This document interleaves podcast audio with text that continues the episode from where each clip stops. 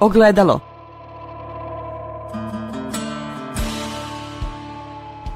Podcast Autonomije.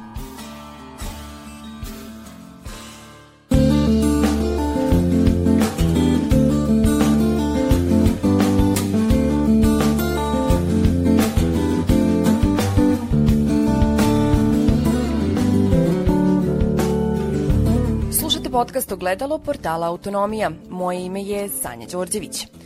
Iako je običano da će projekat Jadar biti bezbedan za životnu sredinu i da će njega svi imati koristi, približavanjem početka realizacije projekta počeli su i protesti protiv delovanja kompanije Rio Tinto u Srbiji.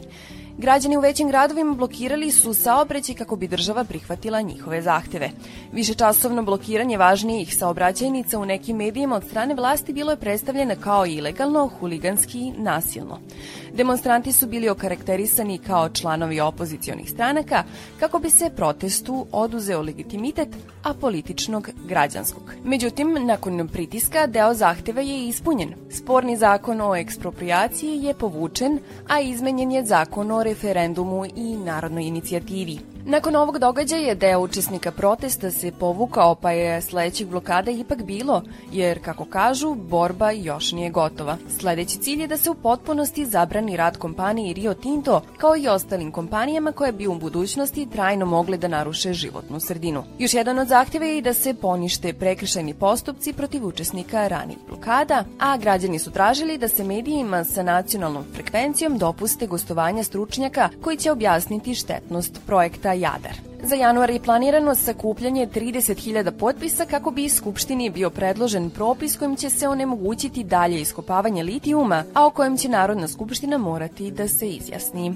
Šta predstavljaju ovi protesti, zašto se reč naroda čuje samo na ulici, koje još instrumenti učešća građana o donošenju odluka koji se tiču njihove sredine postoje i kome smetaju jake mesne zajednice, reći će nam gost ogledala Branka Ćurčić iz grupe za konceptualnu politiku. Dobar dan i dobro nam došli. Dobar dan, bolje vas našla. Kada su održani masovni protesti u svim većim gradovima Srbije, predsjednik je obilazio selo Gornje Nedeljice.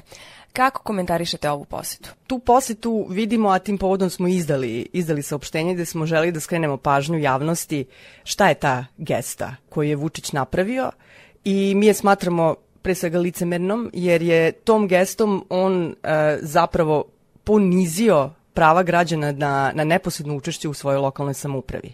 Dakle, on je išao direktno da priča sa građanima, pokušavajući da sazna šta je to što je njima potrebno, a zanemarujući činjenicu da pored blokada koje su se dešavale i istog, istog dana, dakle druga blokada autoputeva i puteva u, u širom, širom Srbije. On je potpuno zanemario da postoje dakle, inicijative među tim ljudima koji je išao da, da poseti, tačnije oni su odbili da, da komuniciraju sa njim, koji su već dosta toga na legalan i legitiman način, dakle sredstvima koja su im raspoloživa za uh, građansko organizovanje i uticaj na javne politike države, dakle koje su zakonom i ustavom ove zemlje garantovane, on ih je zapravo e, ponizio, ponizio je čitav sistem e, lokalne samouprave i omalovažio to političko pravo građana da na neposredan način učestvuju u javnom političkom životu pre, pre svega. Ovih dana se desila, desila još jedna stvar, a to je da e, su svi pokreti koji su bili angažovani na ovim protestima zapravo upozoravali na sledeću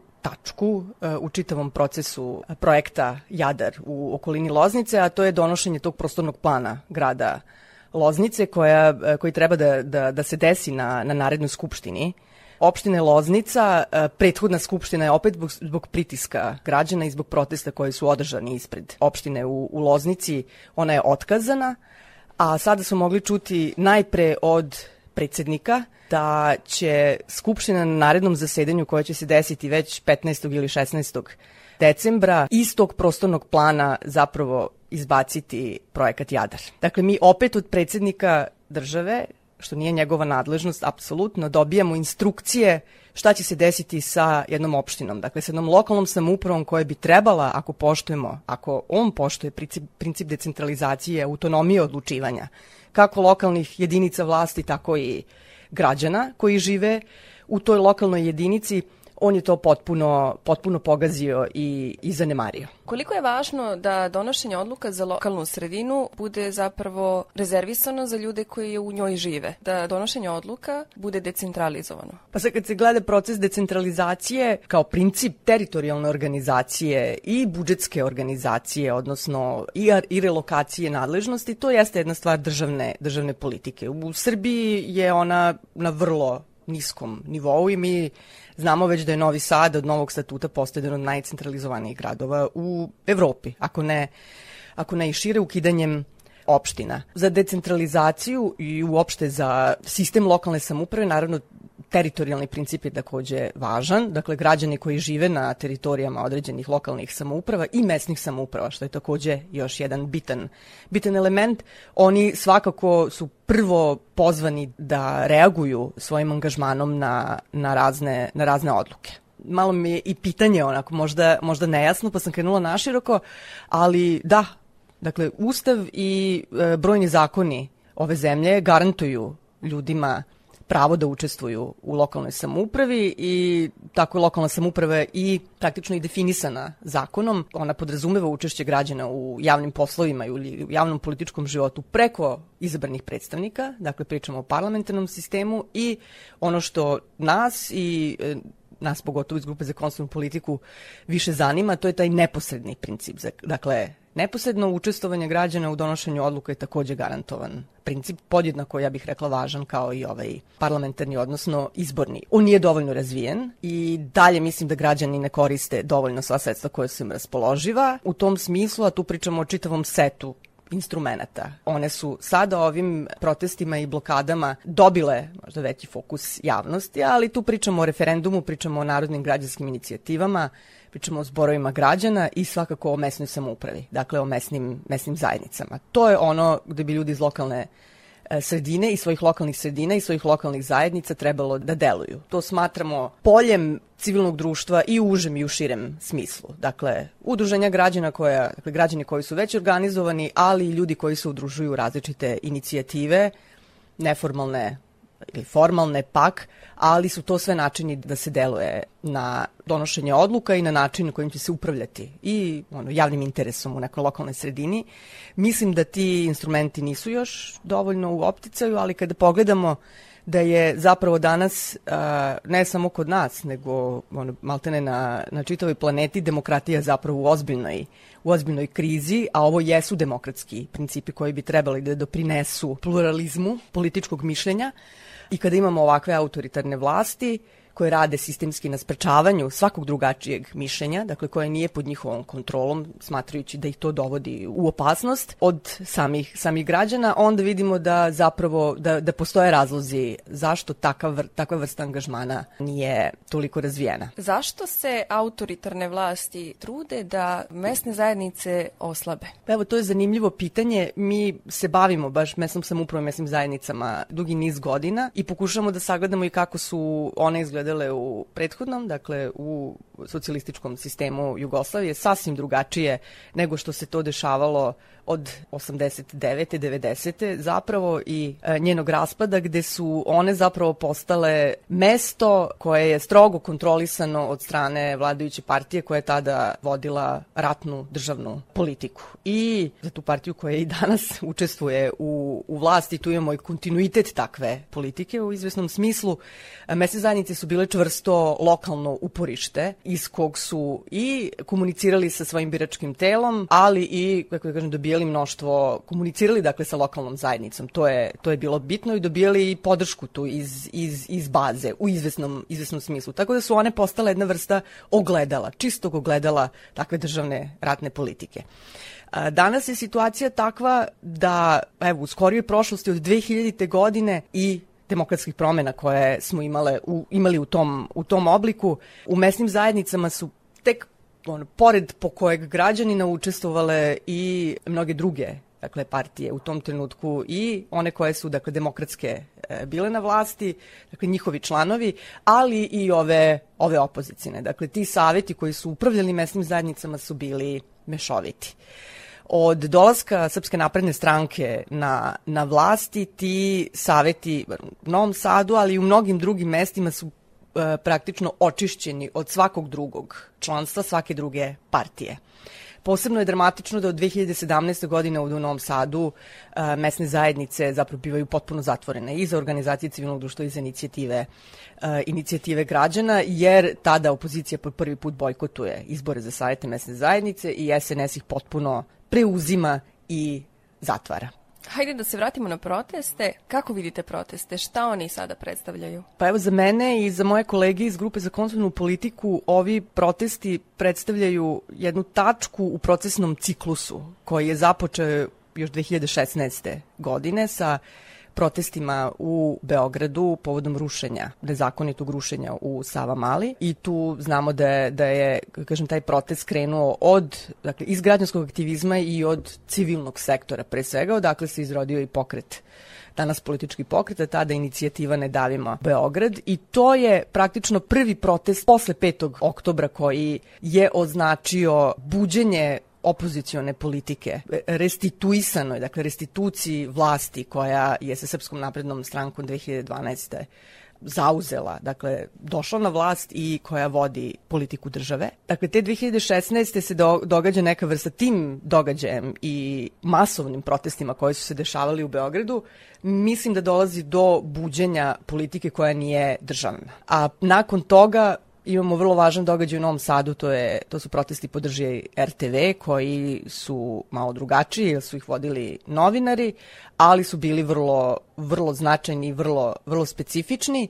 Dakle, to su prvi protesti za koje znamo i kako je, kako je, odakle potiču, ko su organizatori, kako je, kako je stvar funkcionisala. 2017. pa nadalje mi imamo neku drugačiju vrstu, amorfniju organizaciju a, protesta, sa protestima protiv diktature, jedan od 5 miliona do danas, to su protesti koji su se više bavili onako pod navodnicima političkim temama, kažem pod navodnicima jer su bili orijentisani na izborne uslove, na predsjedničke izbore i na ugrožavanje života jednog opozicionog političara i tako dalje da bi došli do ovog, ovog trenutka. Dakle, ove proteste koji se sad dešavaju, da bih mogla da i kontekstualizujem o, o poziciju odakle govorim, smatram da se da predstavljaju jednu od tačaka u, u protestnom dakle, ciklusu koji je počeo 2016. godine e, opisanom genezom. Videli smo da se deo, da su se protesti na, nastavili, iako je deo zahteva ispunjen na neki način. E, da li postoji šansa da ti protesti budu nastavljeni do izbora? Pa to je vrlo teško ovi, vrlo, vrlo teško reći. Ovo što se desilo sa ovim protestima, zapravo blokadama, bolje reći, bolje reći blokadama, je vrlo interesantna, ja mislim važna, važna stvar. Evo i u vašem pitanju mogu da čujem, dakle tu blagu nedoumicu, deo zahteva je ispunjen. Mi smo sa pozivom na blokadu, pre svega organizacije Kreni, Kreni promeni, imali jednu situaciju koja je vrlo drugačija od ovog, od ovog niza protesta kao manifestacija i kao mitinga koje smo imali manje više do sada, jer se radi o blokadama. Dakle, radi se o jednom organizacijnom dispozitivu, u jednom scenariju ili protestnoj akciji blokade koja je imala vrlo definisane ciljeve. Dakle, ona je imala precizan zahtev, odnosno zahteve, imala je akciju koja su blokade imala je jasan cilj da će blokada biti dok se ne ispune ti uslovi. Ti zahtevi su praktično ispunjeni povlačenjem, odnosno izmenom dva zakona koji su bili u osnovi tih zahteva, ali se potom nastavljaju protesti, odnosno nastavljaju se blokade, bolje kažemo. I mislim da je tu možda i deo, deo problema o kom takođe možemo reći neku reč, a moguće je da on ima svoje utemeljenje u čitavom ovom protestnom ciklusu, a to je da mislim da nismo svi osvestili ili prihvatili činjenicu da je u pitanju jedan čin, da su te dve blokade i takva organizacija, odnosno scenario protestne akcije, da je bio čin ili organizovana akcija koja je uspela i možda je trebalo na, samo se na trenutak zaustaviti da bi se iznova promislilo šta je moguće dalje uraditi moguće da će se desiti razvodnjavanje procesa, dakle i političkog procesa i samog protesta, odnosno blokada, to ćemo da vidimo, jer mislim da bi u tom, u tom slučaju da se nastavilo sa vrlo jasnim organizovanim akcijama i zahtevima, s obzirom na ovakvu reakciju vlasti na dve blokade, moguće da bi se vlast i, uplašila svake naredne akcije koja bi bila osmišljena. Nadovezala bi se ovde na, na jednu stvar koja može malo da zvuči kao špekulacija, ali zašto da ne, to je takođe dozvoljeno u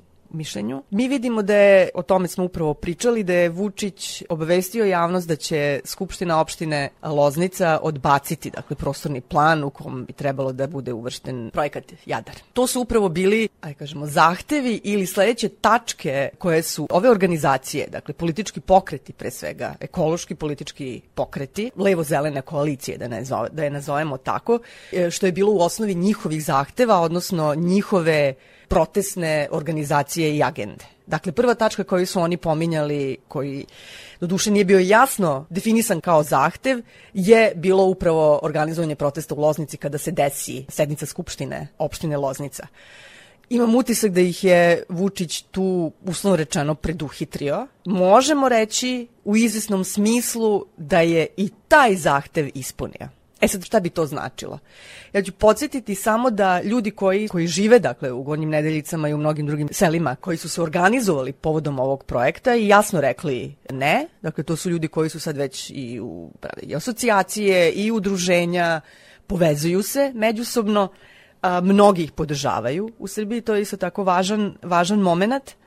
Ti ljudi su takođe prikupljali narodnu inicijativu, potpise za narodnu inicijativu, da je njihov zahtev jeste upravo e, intervencija u ovaj prostorni plan.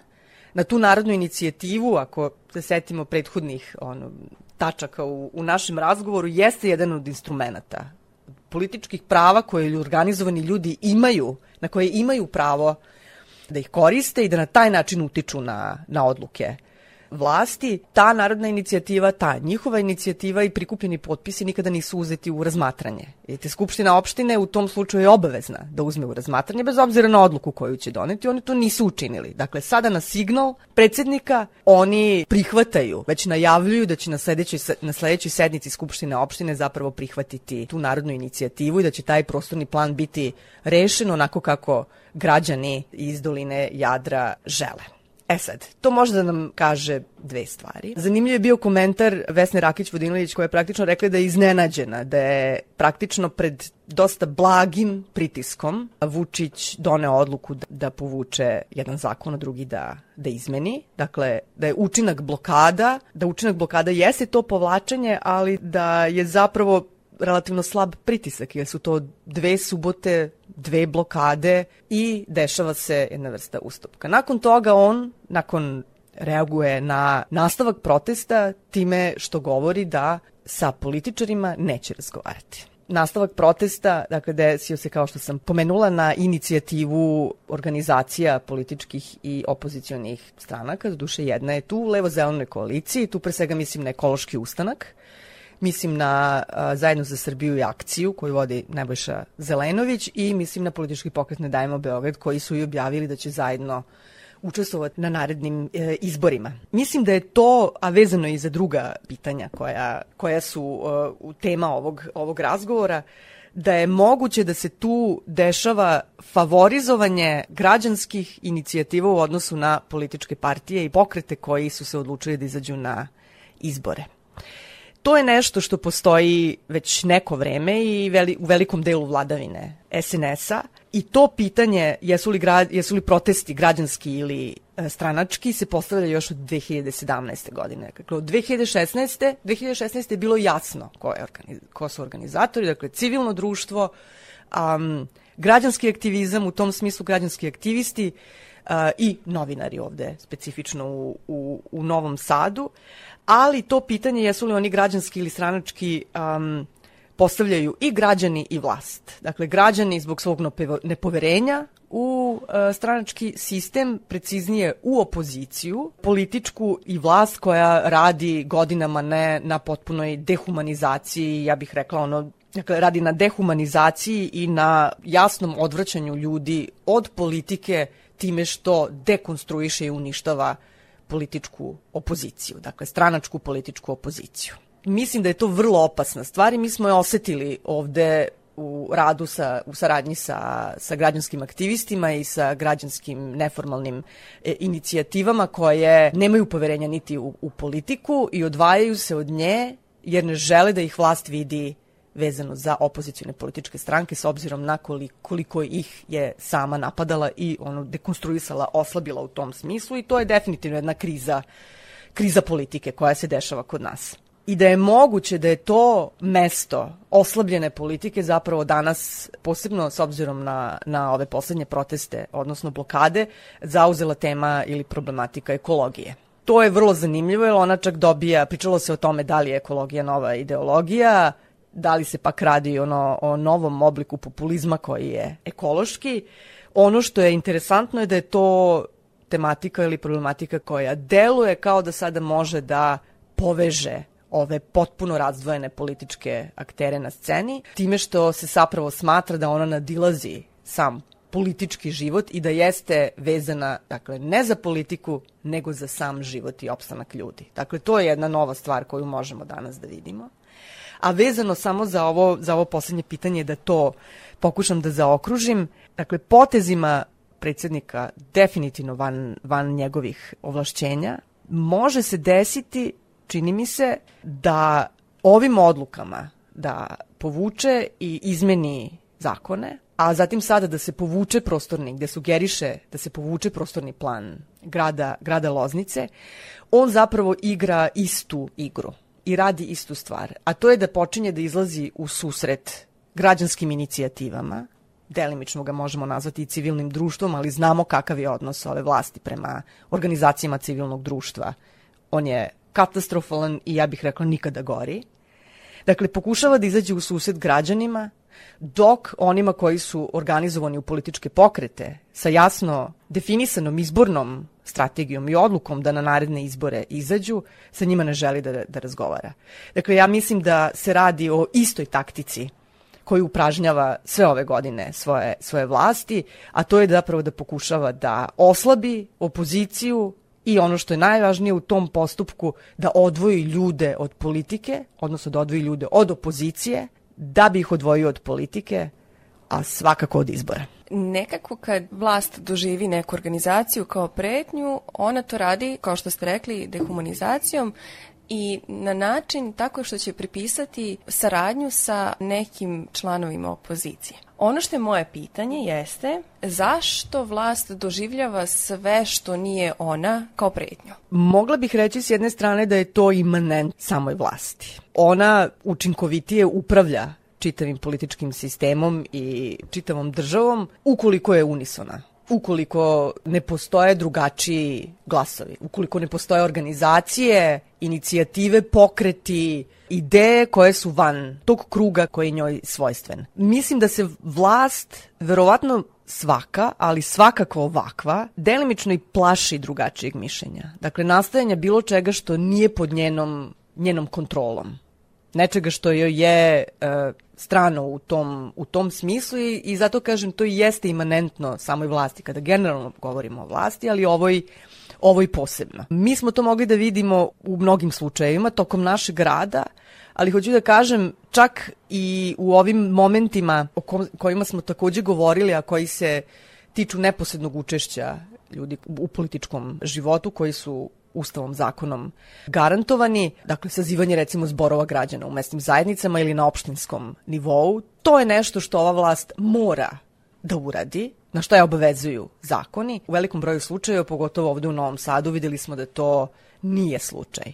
To su sve situacije gde ljudi organizovano izražavaju neko mišljenje, stav, zahtev ili apeluju na nešto. I to bi trebalo da je sastavni deo političkog i demokratskog života jedne zajednice i, i zemlje, međutim to se ne dešava. Dakle, ova vlast i ono što bi morala da poštuje kada je mišljenje, inicijativa ili zahtev ljudi u pitanju ne radi, a bilo koji drugi oblik autonomnog organizovanja ljudi je takođe pod konstantnim napadom. Sada ću skočiti na jednu malo drugačiju temu. Zašto narod nema poverenja u reči vlasti i kompanija koje kažu da će, na primjer, iskopavanje litijuma biti na najekološkiji mogući način? Zašto im ne verujemo? Pa to je zanimljivo pitanje, pošto argumenti koje možemo čuti od ljudi koji imaju takvo mišljenje se pre svega zasnivaju na istorijatu kompanija poput Rio Tinta koje zaista jesu ozbiljno ugrozile i životnu sredinu i, i živote ljudi u zemljama i na teritorijama kojima su radili. Dakle, jasno je da postoje već iskustva i postoje ogromni problemi vezano za njihovo delovanje. Ljudi počinju da ne veruju u tom slučaju i samoj vlasti da je u stanju da obezbedi mogućnost za bezbednu eksploataciju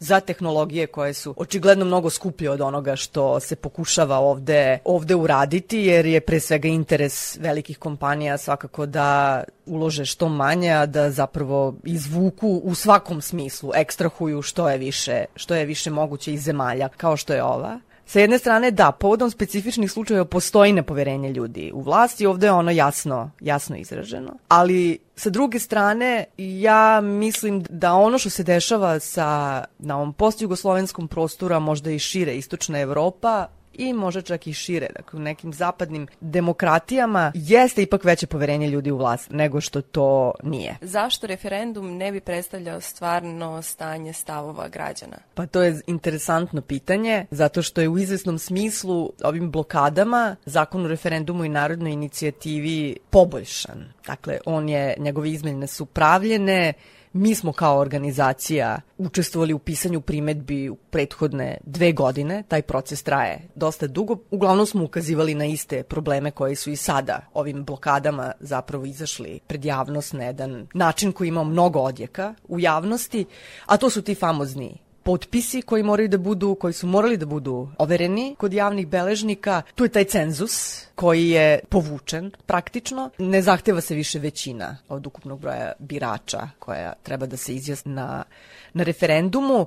Još mnoge druge stvari koje se tiču nadležnosti e, sudske, dakle pravosudne nad problemima koje mogu da se jave u samorealizaciji referenduma. Dakle, tu je nešto postignuto. Možemo to porediti sa eventualno, evo, pošto je pitanje postavljena takva paralela, sa promenom zakonskog okvira i za izborne uslove koji vidimo kako je išao ja mislim da niko nije verovatno zadovoljen tim izmenama, ali da će se ipak ići na izbore. Šta bi u ovom slučaju značilo ukoliko se organizuje referendum na kom bi se ljudi izjašnjavali da li su za eksploataciju litijuma ili nisu. Možda i pitanje ko, ko ga organizuje. Da li to radi vlast i da li će to ona uh, raditi, pa će samim tim i povući dakle, svoje članstvo, članstvo Srpske napredne stranke i praktično ga prisiliti da izađe na taj referendum kao što to rade na svakim izborima. Podsjetiću i politička opozicija i mnogi pokreti i mnoge građanske inicijative i civilno društvo je sad u toku ovog protestnog ciklusa dosta i, i ojačalo.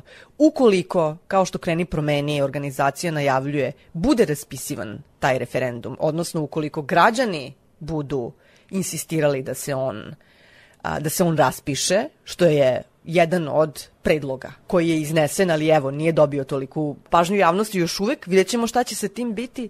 Pitanje je da li postoji način, a ja mislim da da, da se izvrši mobilizacija ljudi kao što je to urađeno sa ovim blokadama. Sasvim je moguće da Srpska napredna stranka angažuje i prisili čitavo svoje ogromno članstvo da izađe na takav jedan referendum, ali ja bih podsjetila da oni nisu svi građani Republike Srbije koji u njoj žive. Nažalost i takvim političkim potezima Srpske napredne stranke i ove, ove vlasti. Mi imamo sad već ozbiljnu podelu među, među ljudima koja se ona odražava na svakom koraku, pa bi i na ovakvom referendumskom pitanju, ja mislim, situacija bila izuzetno zaoštrena i ljudi podeljeni. I za kraj, da li ima svetla na kraju tunela? Generalno mislim da da ne samo što nastavim biti um, optimista, nego mislim da se politička situacija u Srbiji menja, da možda svedočimo i kraju ovakvog režima i možda i dolasku nove vlasti. Postoje danas razne indicije vezano za to, ne samo blokade i pobune građana koje su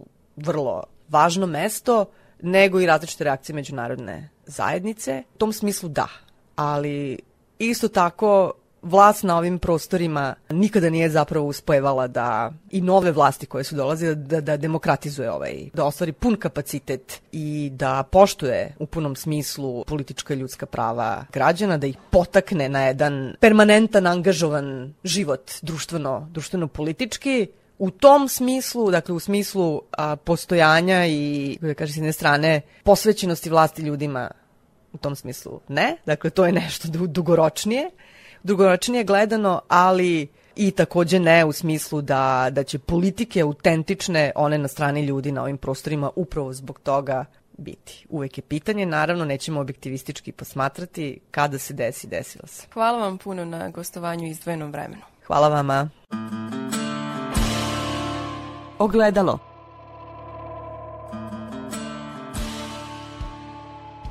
Podcast Autonomije.